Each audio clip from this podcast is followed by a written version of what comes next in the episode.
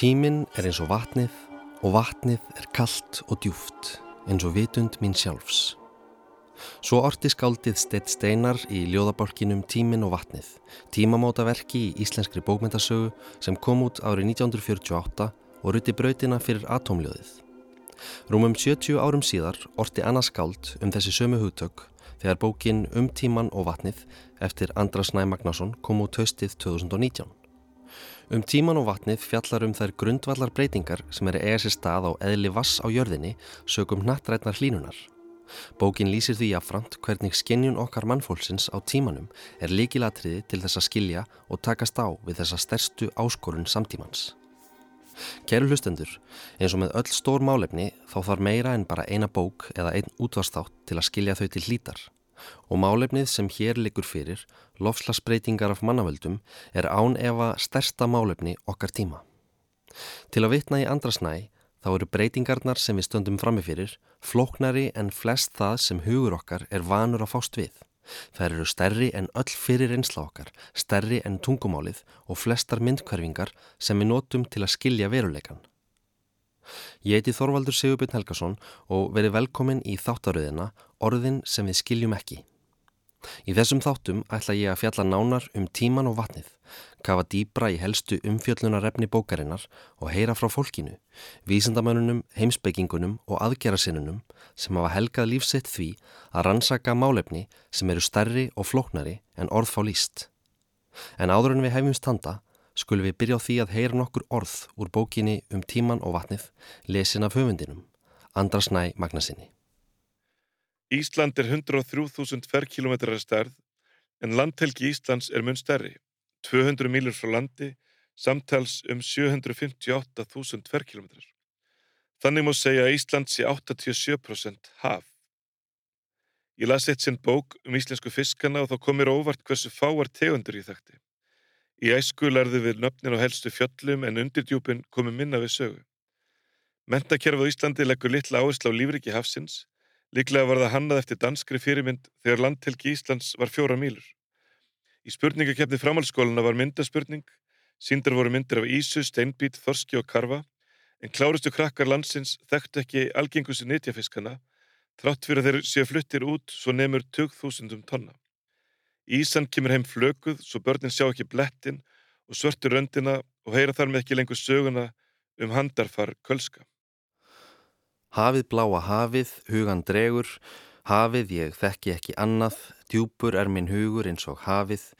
Eins og sjáma á þessum textabrótum er hafið síkvik uppspretta fyrir íslensk skáld og dæurlega smiði, sem kemur kannski ekki á óvart þar sem Ísland er umkringt hafi á öllum liðum. Höf og vötn þekjar um 71% alls lands hér á jörðu og eins og Andri Snær benti á hér áðan mætti segja að Ísland sé 87% haf.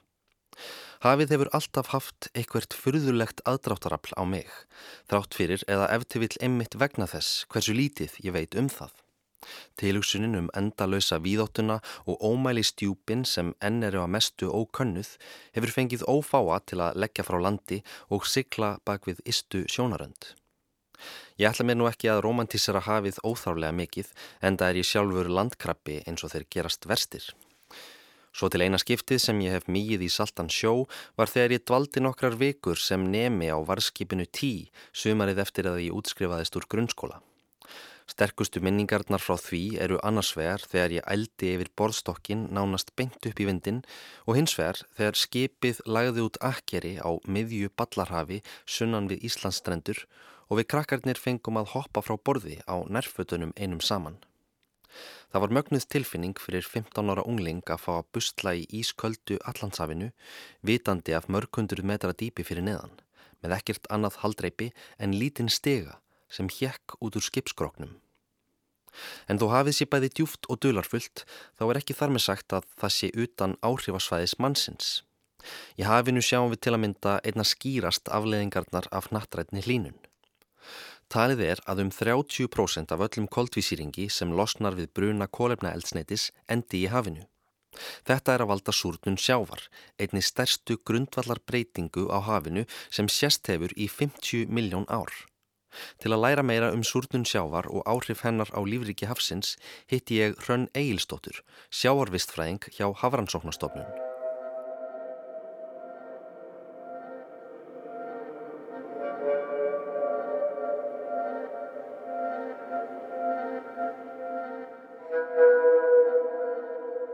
Ég veit að þetta er náttúrulega gríðalega stórt og, og mikið hugtak en svona fyrir okkur leikmenn í þessu, hvernig myndir þau útskýra þessar breytingar sem eru að eiga sér stað á síðustíði hafsins svona í stuttumáli? Þú getur, þetta er raun og verið einfalt og þetta er flókið, þannig að það getur raun og einfallega sagt að sjórin tekur til sín um það byrja þriðja af því koldioksið sem blásir út í andurslóftið af mannavöldum Eh, það er að valda breytingum á efnafræði sjávar og það er í raun og verið súrnum sjávar. Það, við erum að sjá að sírustík sjávar er að lækka.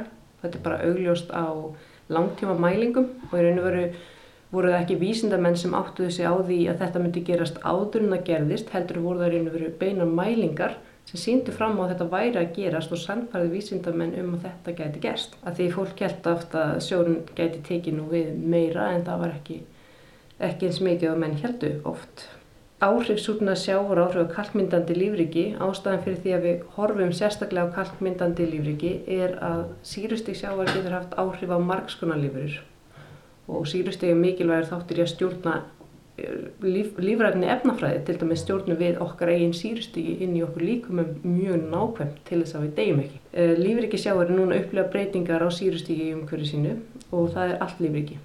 Suma lífur getur viðkvæmar, aðrar ekki. Kalkmyndandi lífriki er ofan að það að upplifa vöndun á byggingarefnum fyrir kalk. Þannig að byggingarefnið karbonat eh, er hluti af kalki. Kalk er ennsku kalsíumkarbonat. Það er nóga kalsíum í sjónum en það vantar alltaf meira og meira karbonat af því að súrni sjáar veldur því að þessi karbonat samend það er alltaf minna minna af henni. Styrkur hennar mingar og þess vegna getur súrni sjávar haft sérlega alvarlega áhrif á kalkmyndandi lífriki í fyrsta lagi er bara súrnum sjávar mark þetta breytingar. Það þýðir raun og veru lækun á síristígi og lækun á svo kallari kalkmettunar stígi. E, eh, raun og veru bara að það mingar þetta karbonat, styrkur karbonats í hafinu og þetta er eins og þú verður að byggja hús, segjum að þú sett skil, sníl og ert með skilabækinu og ætlar að byggja þetta hús. E, það er nógu kalsjum en það vantar karbonat, alltaf meira og meira og það verður dýrar og dýrar að ná karbonatinu úr sjónum til þess að nota það. Það er að segja að lífrikið sem mynda kalk þarf að eða meir og meiri orku til þess að mynda þetta kalk. Og þegar þú eðir ómikli orku í húsið þitt, þetta er bara eins og hagfræði, ef, þú, ef múrsteinar var orðinir fáranlega dýrir en nú steipan ekki, ekki tjela dýr sko, þá var komin í smá vandræði við að byggja múrsteinhús og það er alltaf dýrir og dýrir og dýrir að gera það. Og sami lífurinn er að þær fara, þurfa náttúrulega að eða orku í að ná sér fæði og móti og ef það er nóg fæði þá oft eiga uh, lífverður auðvildra með að eiga við svona stórar erfiðar umhverfsbreytingar en ef það er ekki endalust nóg að fæði eins og er nú oft þá verður í raun og veru bara ferlið, kalkmyndin og ferlið of orkukræft og það getur haft mjög neikvæð áhrif á marga lífverður. En svona aðrar lífverður eins og bara fiskar og spendíslifa í sjónum, mun þetta hafa áhrif á, á þær einnig? Það er einu veru, við erum ennþá að reyna að komast að því. Þegar ég segi við, þá menn ég bara vísendað samfélagi heild. Fiskar, það er búið að sína fram á neikvæð áhrif, til dæmis að þorsk. Þá ertu yfirlt að tala um ungviði. Flöskuhálsin, eða svo maður segja, er yfirlt ungviði dýrana og lífrikisins. Þá ertu oft með ungviði sem þólir illa eh, mikinn breytileika í umhverjus aðstæðum og lirfur til dæmis þorsks hafa það er búið að sína fram á það að það geta orðið vefjaskemdir í aðstæðum eins og bústi við eftir eina öll hvort að þessir, þessir tegundir eins og þorskur muni aðlegast í raun og veru það getur vel verið. Möguleg ekki, við vitum það ekki. Og mjög, mjög mikið að misjöfni niðurstöðum ennþá en það er svo lítið búið að rannsaka þetta hinga til. Spendirnemndru, það er til dæmis annað sem við vitum ofbosla lítið um. Áhverður eh, eiginleiki pH er að hann getur breytt uh, hvernig hljóð berst í sjónum. Þannig að pH hefur áhrif það og við vitum að spendir í sjónum nota mikið hljóð. Þannig að það eru ymsa spurningar sem ekki búið að svara um hvort að súrninsjáur getur haft áhrif að spendir í gegnum það hvernig hljóð berst öðruvísi í gegnum eh, vatnið í raun og veru sjón. Þannig að það er eitthvað sem við vitum í raun og veru ekki um. Það er mjög áhverst, ég hef aldrei heyrt uh, minnst að þetta aður.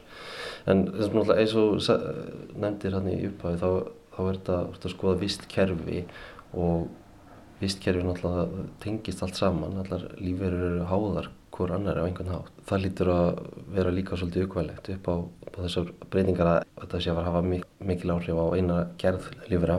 Jú, það er svolítið það sem við vistfræðingar erum að gera, reyna að tengja saman þessa punta til þess að skilja hvernig til dæmis segjum það að, að eins og við núna erum að sjá að það er líklega hýtastísbreytingar sem eru að hefa áhrif á það að loðunan er að búin að vera í lámarki, má segja, síðust ár. Og loðunan er mikilvægt fæða þorsks. Þannig að þarna er mikilvægt að skilja hvernig umhverfisbreytingar hafa áhrif á fæðu til þess að skilja hvort að getur komið breytingar í þorskinum á móti.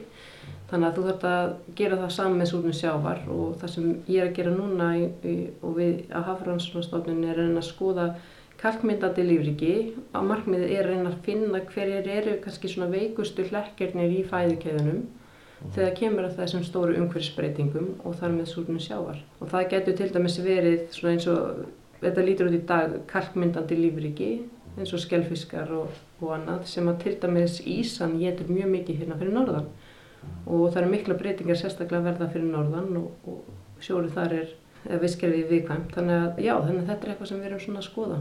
Það liggur ég um uppi að ef tegundir svo Ísan byggir sína fæðu á, á kalkmyndandi líf, lífverum sem gæti svo hrunið með, með fram sútnum sjáar þá hefur það náttúrulega beina áhrif á, á okkur hérna á Íslandi sem veiðum ísu og þorski í stóra magni. Já, það er náttúrulega það sem við höfum ágjur af án þess að geta sagt fyrir vist sko hvort að það munu, mögulega getur Ísa farið bara að geta eitthvað annað sem að þóli vel þessar umhverjusbreytingar en mögulega ekki og það, þess vegna þurfum við að stunda þessar rannsóknir til að reyna að sjá inn í framtíðina. Þetta sé svona halgjörn kristalkúlan okkar sko að reyna að skilja betur þannig að við getum aðalega okkar uh, segja, sjáur útveg að mögulegum breytingum í framtíðinni þannig að mm. það er mjög mikið takmarkið. Við bara nefna það þegar tala um kalkmyndandi lífriki því fólk oft, maður gleymið að fólk veit náttúrulega ekki endilega hvað er kalkmyndandi lífriki og það má alveg nefna það að það er til dæmis kóralrif, við erum með óbærslega stór kóralrif sögur af Íslandi. Það eru hérna djúft í sjónum um það byrjum 200 metrum Svo er það til dæmis uh, eins og sníklar og samlokur, kræklingar þar með taldir og skrátir og það geta verið til dæmis hérna, ígulkjör. Uh, þannig að það er ansið fjölþættar lífurir í, í hafinu sem eru kalkmyndandi og kalkmyndun hefur þróast oft í lífrikinu, í sjónum að þetta er hendur leil að byggja harða stóðgrind eða, eða hús. Súlnusjávar er þetta náttúrulega gríðalega stóra breytingar sem er í þessi stað en þetta er eitthvað sem hefur ekkit sko, verið í almenni þekkingu neitt sérlega lengi og eins og Andri Snær bendir á í bókinni sinni um tíman á vatnið þá sko, það var ekki fyrir en árið 2006 sem það byrtist fyrst á prenti á Íslandi sem er ekki langur tími í sögulegum skilningi ekki nema rúm 14 ár núna en hversu lengi hafa vísindin á bakvið þetta verið, verið þekkt?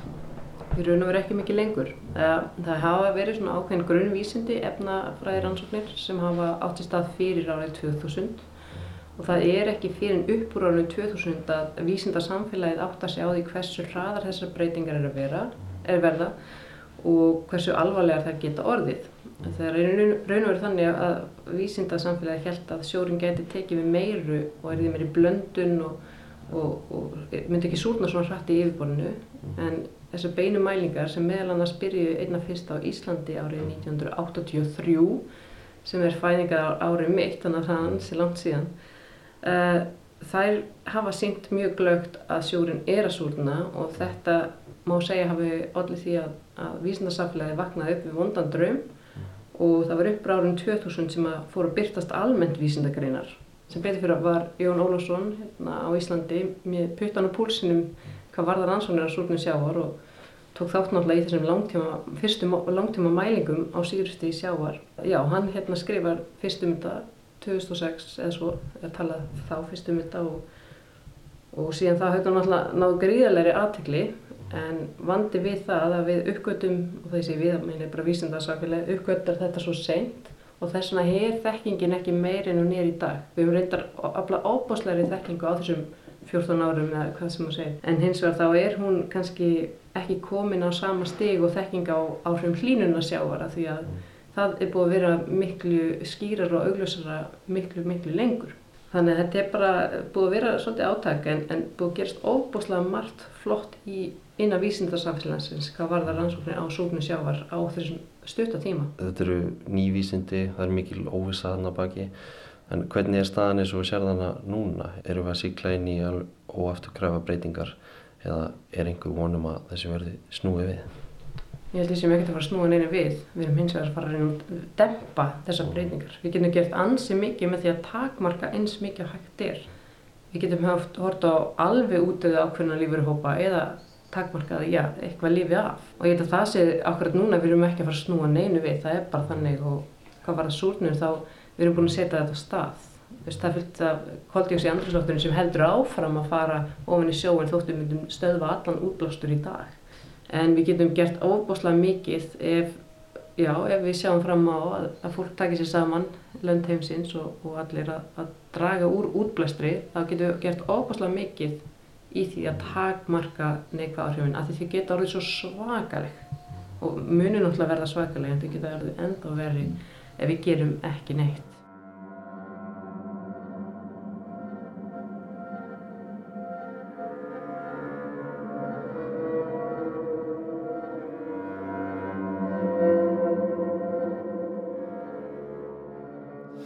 Landfræðileg staðsetning Íslands í norður Allandsafi á þröskuldi norður heimskautsböksins ætti undir venjulegum kringumstæðum að gefa til kynna mun kaldara og harðgerðara veðurfar. Svo er raunin á eigunum í Beringsundi sem liggja á svipuðum breytargráðum á Ísland en eru umlugtar hafís stóran hluta ársins. Hér á Íslandi búum við hins vegar við þau forréttindi að í kringum okkur streyma hlýr hafströymar frá suðulægum slóðum allan ársins ring sem hita hafið í kringum landið og gera veðurfærið myllt og temprað. Ströymurinn sem er í daglegu tali kallaður golfströymurinn er hluti af mun stærra hafströymakerfi sem tegir sig um gjörvalt allansafið og nefnist veldi ringrás allansafsins. Veltiringrásinn virkar eins og nokkus konar færiband í hafinu sem er knúið áfram af hita mismun á milli söðurs og norðurs og sjávarseltu. Hlýr sjór streymir úr söðri norður á bóin þar sem hann kólnar, sekkur vegna seltunar og flæðir söður sem djúpsjávarströymur. Ímsar nýlegar vísendaransóknir benda til þess að þessi ringrás sé að breytast með ófyrir síðum afleiðingum og hægst hafi á henni til muna síðastlinar tvær aldir. Þetta geti hugsanlega haft dýrkeftar afleðingar fyrir golfströmin sem við eigum svo mikið að þakka, en vísindamenn eru þó ekki sammála um umfang breytingana. Niðurstöður einnar rannsóknar á veldi ringrás Allandsafsins voru byrtar í vísindaritinu Nature í februar. Að henni stóð hópur vísindamanna þar á meðal eitt þekktasti lofslagsvísindamaður heims, Stefan Ramstorff, professor í hafeðlisfræði við Háskólan í Potsdam. Samkvæmt niðurstöðum rannsóknarinnar hefur verið að hægjast á veldi ringrásinni vegna nattrætna hlínunar og mælist hún nú veikari en hún hefur verið í rúm þúsund ár. Niðursveiflan er talin af að byrjað í kjölfar innbyltingarinnar á 19. öld og hefur aukist til muna eftir 1950. Vísindamenn telja að veldi ringrásin gæti haldið áfram að veikjast með aukinni nattrætni hlínun og sumir telja að hún gæti jafnvel dvínað um alltaf 45% fyrir lok þessarar aldar. Í grein sem byrtist í New York Times eru mögulegar afleðingar þessa sagðar vera að sjávarmál hækkar hraðar á austurströnd bandaríkjana og í Evrópu, tíðar í fellibilir í suðausturhluta bandaríkjana og mingandi úrkoma á Sahel-svæðinu í Afríku þar sem eru nú þegar miklir þurkar. Vísindamenn hafa fundið sterkar vísbendingar í ískjörnum og setlögum um að velti ringrásin hafi vext og jafnvel hrunið fyrir um 13.000 árum. Þetta hafði þar afleðingar að veðurfar í Evrópu breyttist til muna á skömmum tíma. Heimskauta vetur lagðist yfir álfuna og hitastig á sumum stöðum fjall um alltaf 15 gráður að meðaltali. Ein leiðandi tilgáta er svo að jökulvatn frá hopandi jöklum Ísaldar hafi skólast út í norður Allandsaf í stórum stíl og vegna þess að ferskvatn er eðlisléttara en saltvatn hafið að hindrað botnfall saltvassins og þar með raskað þinnu eiginlega færibandi veldiringrásarinnar. Í dag er ástandið tölvert frábriðið því sem var við lok síðasta jökulskeiðs Ísaldar en hins vegar bráðuna jöklar heimsins nú á áður óþægtum hraða. Hraðin á bráðunum Grænlandsjökuls hefur til að mynda sexfaldast á undanförnum 30 árum og ef allt vatnið sem er bundið þar skólast út í Allandsaf mun það hafa töluverð áhrif á veltiringar á sinna og þarafleðandi einnig á golfströminn. Eins og áður sagði eru vísindamenn ekki sammála um veikingu veltiringarásarinnar eða áhrif þess á veðurfar. Stefan Ramstorff sagði í nýlegum fyrirlestri að hrun veltiringarásarinnar gæti haft í förmið sér alltaf nýju gráðu lækkun á meðal hittastígi á Íslandi.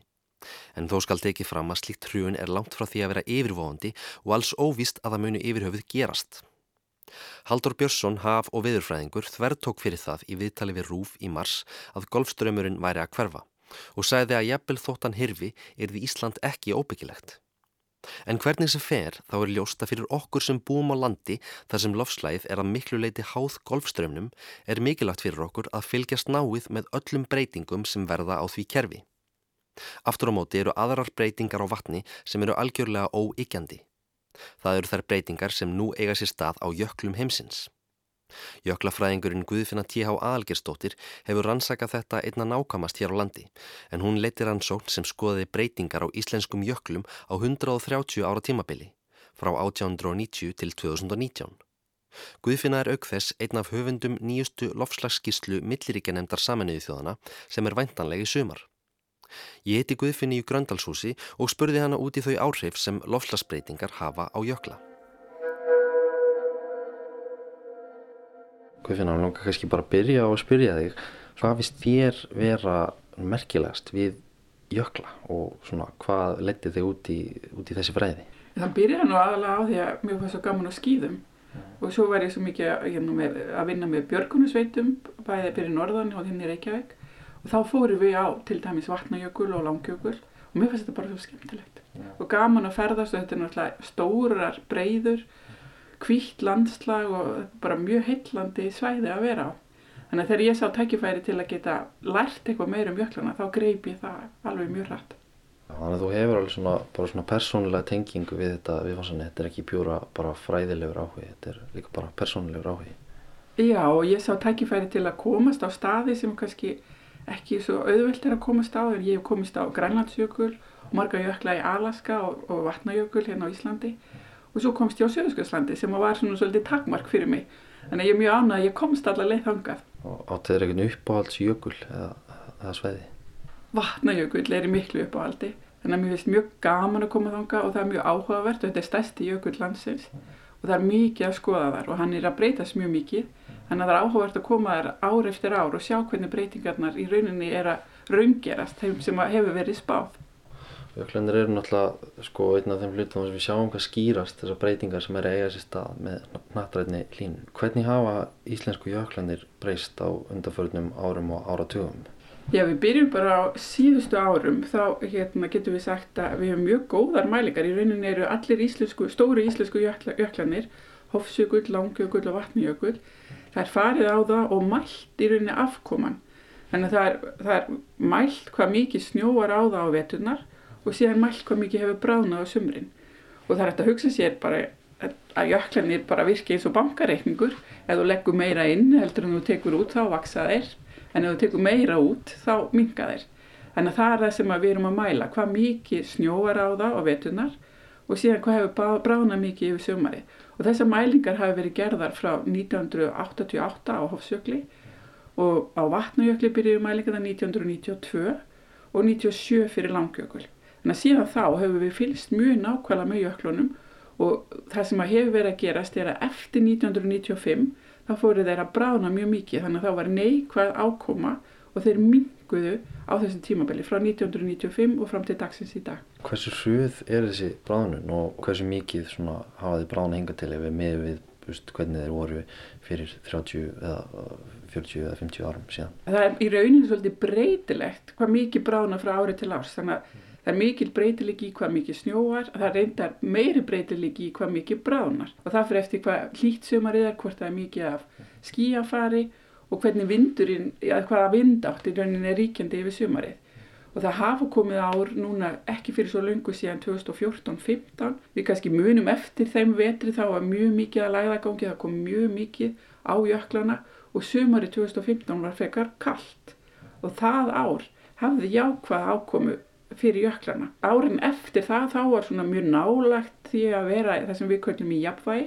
Þá bráðnaði jafn mikið og hérna, snjóaði á jöklana en svo kom árið 2019 og þá bránaði mjög mikið Þannig að breytileikin er í rauninni mjög mikið þannig að við horfum svolítið á kannski svona ára tugi og það, við höfum gert og tekið saman alla mælingar sem hafa verið gerðar á landinu og reynd að búa til svona heildstæða mynd og höfum farið aftur til síðustu aldamóti, það er að segja til 1900, 1800 til 1900 og við höfum gert það þannig að við höfum skoðað samband hérna, stærðarjökulsins og flata, rúmmáls og flatarmáls. Og það er í rauninni tiltölu einfalt að skoða á gömlum kortum hvað stóri jöklinir hafa verið af því þeir skilja í rauninni eftir svona far í jarðveginn, þeir eru svolítið eins og jarðvítur og íta hérna undirlæginu og þá getum við séð hvað þeir hafa verið stærstir síðast þegar þeir voru stærstir. Og þær upplýsingar gefa okkur síðan möguleika á að reikna út hvað þeir hafa þá verið stórir að rúmmáli. Þannig að flatamáli og rúmmáli hafa ákveðna tengingu. Og við hefum gert þetta fyrir hérna, eins og þeir voru stærstir við það sem við kallum litla ísöldin sem var kallt tímabil nokkur hundru ára tímabil sem var svona laug um síðust aldamót og þá getur, eða fyrir ekki, ekki síðust aldamót heldur aldamóti þar á undan. Þannig að við miðum við að svona stæsta útbreysla jöklana hafi verið svona cirka 1890 og síðan þá hafa jöklanir minkað um 16%. Þannig að 16% af rúmmalinu hefur, rúmmali allra jöklalandsins hefur í rauninu horfið. Það sem er líka áhugavert, við sjáum að hérna, öldin er náttúrulega, það eru að margir áratugir og það var frekar hlýtt á tímabilinu 1930-40 og þar er ekki svo mikla mælingar en við sjáum á, frá óbeinu mælingum þá, og reyndar einmælinga á austur hluta vatnajökuls, að þá var massatapið svipað og það hefur verið síðustu áratví. En að svona 1930-40 var hlýtt, síðan kom tímabil þar sem að jöklunni voru um það bil í jafnvægi þannig að það bránaði eða jafn mikið og, og það snjóaði á það. 1960, 70, 80 þá var ástandi svona þannig þegar þeir voru svona um það bil í jafnvægi og svo eftir 1995 þá sjáum við líka að hafið í kringum Ísland hlínar og 1995 og eftir það þá byrjar þessi hraða bránun og helmingurinn af þessu massatapi sem við metum, þessi 16%, hefur orðið bara á þessum síðustu áratugum frá 1995. Þannig að þá er hraðasta massatapi. Og, og þetta er alveg skýr þróun. Við sjáum að, veist, að þeir eru að bráðna miklu hraðar og miklu meira bara á síðustu þreymur áratugum heldur en, heldur en áður. Já, miða við þessa mælingar sem við höfum og við getum skoða jökla annar staðar í heiminum, til dæmis í Noregi eða Svalbard eða Grænlandi í kringum okkur og svo alla jöklin í heiminum og það er sama sem við sjáum allstaðar. Á síðustu áratugum þá hefur massatapið, þessi bránun jöklana, verið að aukast. Síðustu áratugir hafa, verið, hafa haft hraðasta massatapið sem hefur verið mælt og það er að sjálfsögða ekki allir jöklar í heiminum mældir, það er um það byrjum 200.000, rúmlega 200.000 jöklar í heiminum. Nokkrið þeirra eru mældir eins vel á Íslandi og svo eru líka til mælingar einmitt um hvað þeir eru langir. Og allar þessar mælingar til saman sínum þessa skýrumynd að núna á síðustu áratugum þá hafa þeir verið að brána hraðar heldur en alla síðustu, síðustu öll. Við erum að tala um vatn og vatn það það hverfur ekki, það bara breytir um fasa. Með bráðnunni erum við að sjá að sko, vatni fer bara út í sjó og þá orsakar hækkun á sjáaborði. Hversu mikla hækkun á sjáaborði geti bráðnun íslensku jöklana orsakað ef þetta heldur áfram eins og það hefur verið að gera? Já, heldar rúmmar, rúmmar íslenskur jöklana hefur verið mælt mm. og það hefur verið gert með það sem heitir ísjá.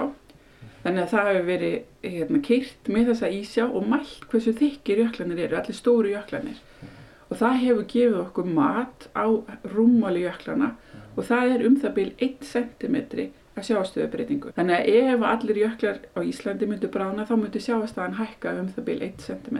Og við getum sett það í samingi við alla jökla heimsins utan við stóru ískvelin Grænlandsjökul og Suðurskvöldslandi og það er um það byrj svona 40 cm af sjáastöðu breytingu, þá getum við hugsað okkur, ef við köllum þessa mælingu sjáastöðu breytingu, að þá ef við myndum bræða alla jökluna fyrir utan stóru ískvelin á Grænlandu og Suðskoslandinu, þá er það um það byrj 40 cm og íslensku jöklanir eru 1 cm af þeim. Þannig að þetta er umtalsvert. Já, og það hafi ekki sérst svona stórar breytingar á, þeir, á því tímabili sem við þekkjum. Ef við lítum lengra í jarsjóna þá hafa orðið miklar sjáastöðu á síðustu 50-60 árum hefur sjáastaðan hækkað um það byrj 20 cm og helmingurinn af því um það byrj er vegna bráðnuna jöklana og þá getum við hugsað ok, síðustu 40-50 ár, ég man ekki nákvæmlega hvernig svo tala byrjar en 20 cm hefur sjáastæðan hækka og það er um það byrj 40 cm ennþá á landi geimt í jöklunum sem að gæti þá hækka sjáastöðunum um 40 cm. Og til viðbótar þá er Grænlandsjökul og Suðurskjölslandi sem ég nefndi áðan og það er um það byrj 7 metrar að sjáastöðu breytingu geimt í Grænlandsjökli og um það byrj 60 sjáastöðu metrar geimtir í Suðurskjölslandinu. Hér á Íslandi þá höfum við þegar mist einn jökul, ókjökul hefur verið úrskurðaður döður. Gætu fleiri íslenski jöklar fyllt í fótsporans á næstu árum og áratugum? Það er mjög líklegt. Það er að hlýna og það er rauninni kannski getur við sagt fleiri jöklar sem hafa horfið sem ekki hafa fengið eins mikla aðtikli og ókjökul og það eru nokkri jöklar sem við sjáum að hafa mista sem við köllum ákomusvæðið sitt. Við getum sagt að á sumur hluta jökulsins hefur ákomu, jákvæð ákomu og það er alveg möguleika jökulsins að, að stækka. Þessi jafnvægislína sem greinir frá ákomusvæðið og leysingasvæðið, við köllum það ákomu og leysingasvæðið á jöklunum og svo lína hækkar og, og þegar svo línan hefur hækkað upp fyrir hæði jökulsins að þá er jökullin í rauninni döðadæmdur vegna þess að þá hefur hann ekki möguleika til að bæta á sig. Og það, það eru nokkru jöklar sem eru komnir í þá stöðu að jafnvægislínan er komin upp fyrir hæðara. Og þá eru þeir í rauninni bara svona hægt og rólega að brána og þá fer eftir hlínu, hvað hlýtt sumarið er hversu þrætt það gerist. Andri Snær spyr í bókinni sinni um, um tíman og vatni. Hvað er Ísland ef við missum jöklana? Er það þá bara land? Hvað þýðingu hafa jöklandi fyrir okkur sem þjóð og hvað mun það þýða ef við, við séum að klata þeim? Það er mjög góð spurning og ég held að við þurfum bara öll að spyrja okkur sjálf þessari spurninga hvað þýðingu hafa jöklanir. Þeir þekja um það byrj 10% á landinu sem er tölvuvert mikið og, og þeir gefa því hvita ásýnd og ég held að þeir hafa verið stór hérna, innblástur fyrir mikið mörg skáld og margar sögur. Ef við rifjum upp bara hérna, 101 Reykjavík, lappaði hann ekki upp á Snæfellsjökull þegar hann alltaf var að hérna, velta fyrir sig hvað um, um, um heiminn, þá er hérna, Snæfellsjökull ein leið til að nálgast alheiminn, en ég held að jöklanir hafa mikla þýðingu fyrir okkur. Og ég held að það væri mikil eftirsjá þegar þeir hverfa, en ef framvindur að þá, þá eru þeir á hraðri leiði burtu og litlu jöklarnir fara fyrst. Það hafa verið gerðar reikningar og þessi reikningar er að sjálfsögða háðir því hvernig framtíðin verður. Hofsjökull og Langjökull, þeir eiga um þau byrjast kannski 200 ára eftir og það fer að gefnu hittastinsbreytingunni sem er spáð sem, sem gæti orðið 2-3 gráður. Síðan hafa verið gerðir eins og hérna, tvær sviðsmyndir fyrir vatnajökull og vatnajökull er miklu miklu stærri og líkur hærri í landinu samkvæmt þessum reikningum að þá er líklegt að svona 25-60% af vatnajökli muni hverfa, þannig að bara 40% verði eftir ef að hitastíði hækkar um 2-3 gráður. Ef að hitastíði hækkar hins vegar um 4 gráður, þá líklegt að minna en 40% af vatnajökli verði eftir. Og við keirðum margar sviðsmyndir og sumar að þeim sína að bara mjög lítlar ískellur verða eftir af vatnajökli. Þannig að ef það hlýnar um 4 gráður, þá er hugsanlegt að vatnajökul muni hverfa alveg. Þannig að það er háði hvað mikið af kólefnis eldsniti við brennum á næstu áratugum, hvernig framtíð jökluna lítur út. Það fyrir allt eftir í hvað, hvað við gerum í dag og það er ákveðina sem við tökum í dag af áhrif á framtíðina.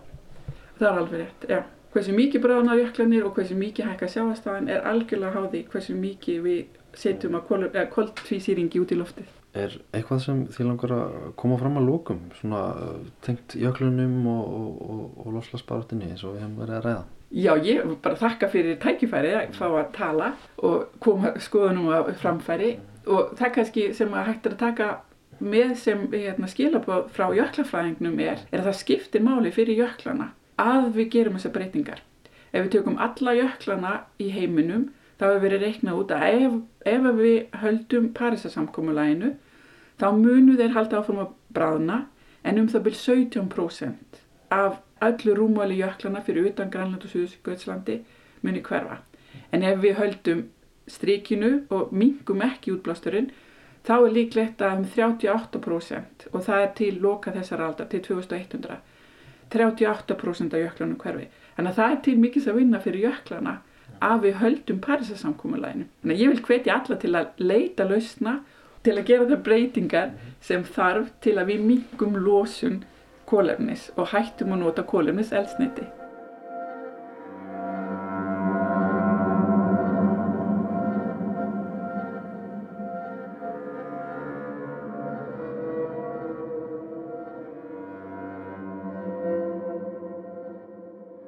Í bókinni um tíman og vatnið spyr Andri Snær Þegar jöklarnir eru farnir, hvað er þá Ísland? Bara land? Kæru hlustendur, eins og Guðfinna nefndi hér áðan þá er þetta spurning sem við þurfum öll að spyrja okkur að, búandi á landi sem er að tíunda hluta þakið ís. Mér langar eins vegar að gefa ykkur smá frí frá vísindum núna en í staðin skoða þessa spurningu út frá tveimur listaverkum sem eiga það sameiglegt að takast á við samband jökla og manna. Þar sem jökullin ber við loft hættir landið að vera jarðnest en jörðin fær hlutdeild í himninum. Þar bú ekki framar neinar sorgir og þess vegna er gleðin ekki nöðsynleg. Það ríkir fegurðin einn og var hverri kröfu. Svo hefst fjörði og síðasti hluti heimsljós, skáldsögu Halldór Slagsnes um raunir skáldsins Ólafs Kárassonar Ljósvíkings. Ólafur elst upp á bænum fæti undir fótarfæti þar sem hann er niðursetningur og byrjar ungur að aldrei að verða fyrir andlegum vitrunum úti í náttúrunni. Í öðrum kabla bókarinnar skrifar Lagsnes Hann var sem sé ekki orðin fullra nýju ára þegar hann fór fyrst að verða fyrir andlegri reynslu.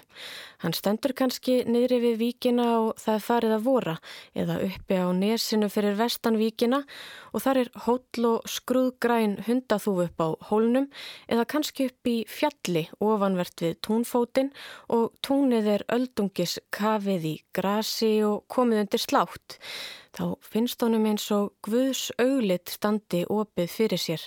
Hann finnur Guðdóminn byrtast í náttúrunni í óumræðilegum hljómi. Það var kraftbyrtingar hljómur Guðdómsins. Hann veit ekki fyrir til en hann er sjálfur orðin titrandi rötti almáttugum dýrðar hljómi. Þessi lýsing Nobelskáldsins á guðleiri lotningu Ólafs Kárassonar anspænis náttúrunni myndi mig á hugtak sem Sigriður Þorgirstóttir lísti fyrir mér þegar ég rætti við hana í fjórðaþætti þessarar serju, þó svo að ég hafi ekki náð að koma því inn í þáttinn. Þetta er hugtakið skinfinning sem er íslenskun á enska hugtakinu felt sens og vísar til þess þegar maður skinjar með líkamassínum upplifun, líðan og reynslu innan ákveðins augnabliks. Skeinfinning er tilrun til að lýsa þeirri heldrænu skinnjun sem ásist að handan hinnar rökrænu skinnsemi. Það sem gerist þegar við færum sjónarhornið frá kaldri og sundur greinandi skinnjun heilans yfir í líkamlega og personubundna skinnjun hjartans. Heimsljós er uppfull af slíkri skinnfinningu og söguheitjan Ólafur Kárasson er raunar svo gagtekin af uppljómuninni sem byrtist honum í hverju strái að það gerir hann hordreika í mannlegu samfélagi.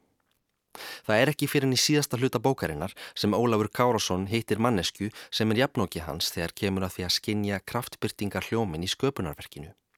Þó svo að svo manneskja gerir það ekki ótil neitt.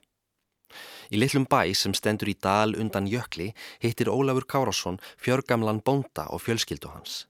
Ein af dæturum bóndans er lömuð og eina tilbreytingin í lífi hennar er að horfa á jökulinn í gegnum speil sem er festur við rúm hennar. Dóttur okkar misti máttinn þegar hún var 15 ára, sagði gamla konan, en Guð hefur gefið henni þólimæðina og þólinmæðin er sigur sætli en mátturinn. Speiklinum er hagað þannig að hún geti séð í honum jökulinn. Hún horfir stundum allan daginn á jökulinn í speiklinum. Jökullinn, það er hennar líf. Virtu mér vel gamla kona þó ég komi með aðtjóðasemt. Ætli það sé ekki fegurð heiminsinn sem er hennar líf, saði Ólafur Kárasson. Undir loksögunar snýr Ólafur Kárasson aftur í litla bæin og gefur stúlkunni nýjan speil í staðin fyrir þann fyrri sem hafi brotnað. Hann heldur svo að lokum upp á jökulinn þar sem hann saminast fyrir fullt og allt guðdómnum í náttúrunni þar sem jörðin fær hluteld í himninum.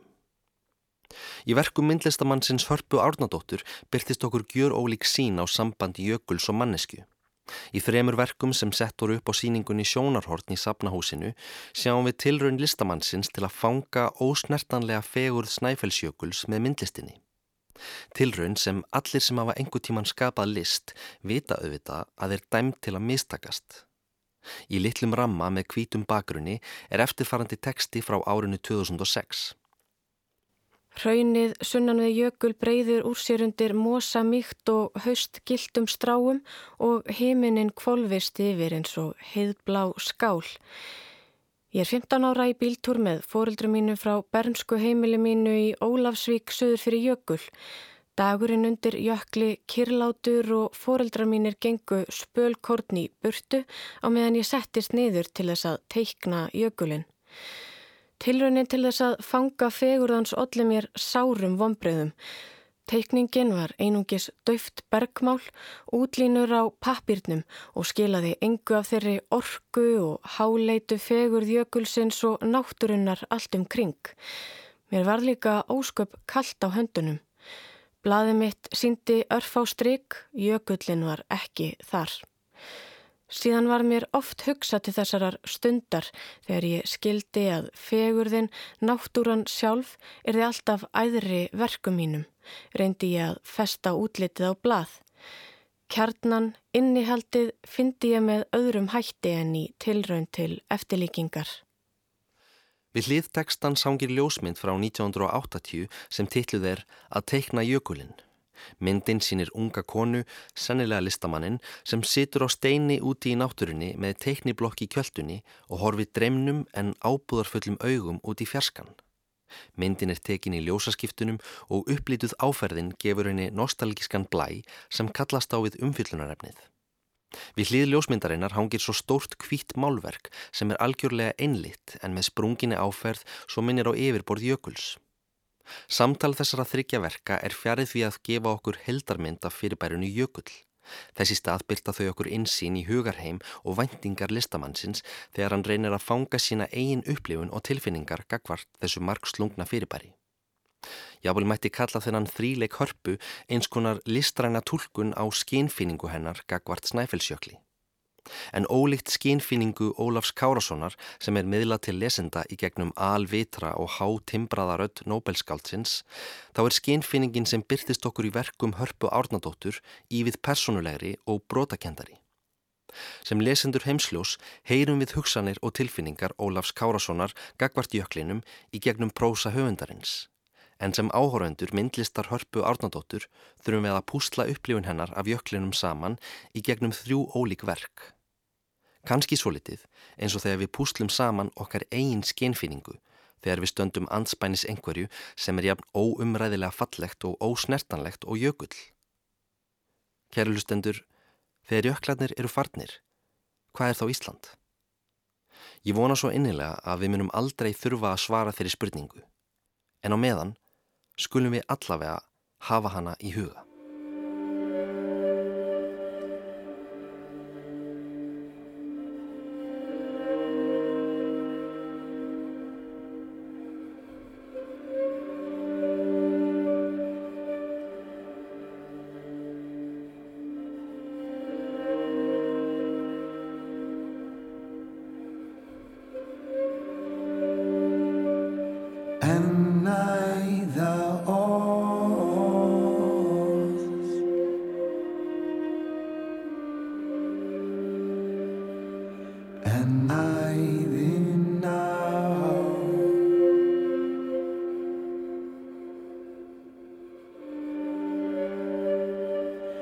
Hver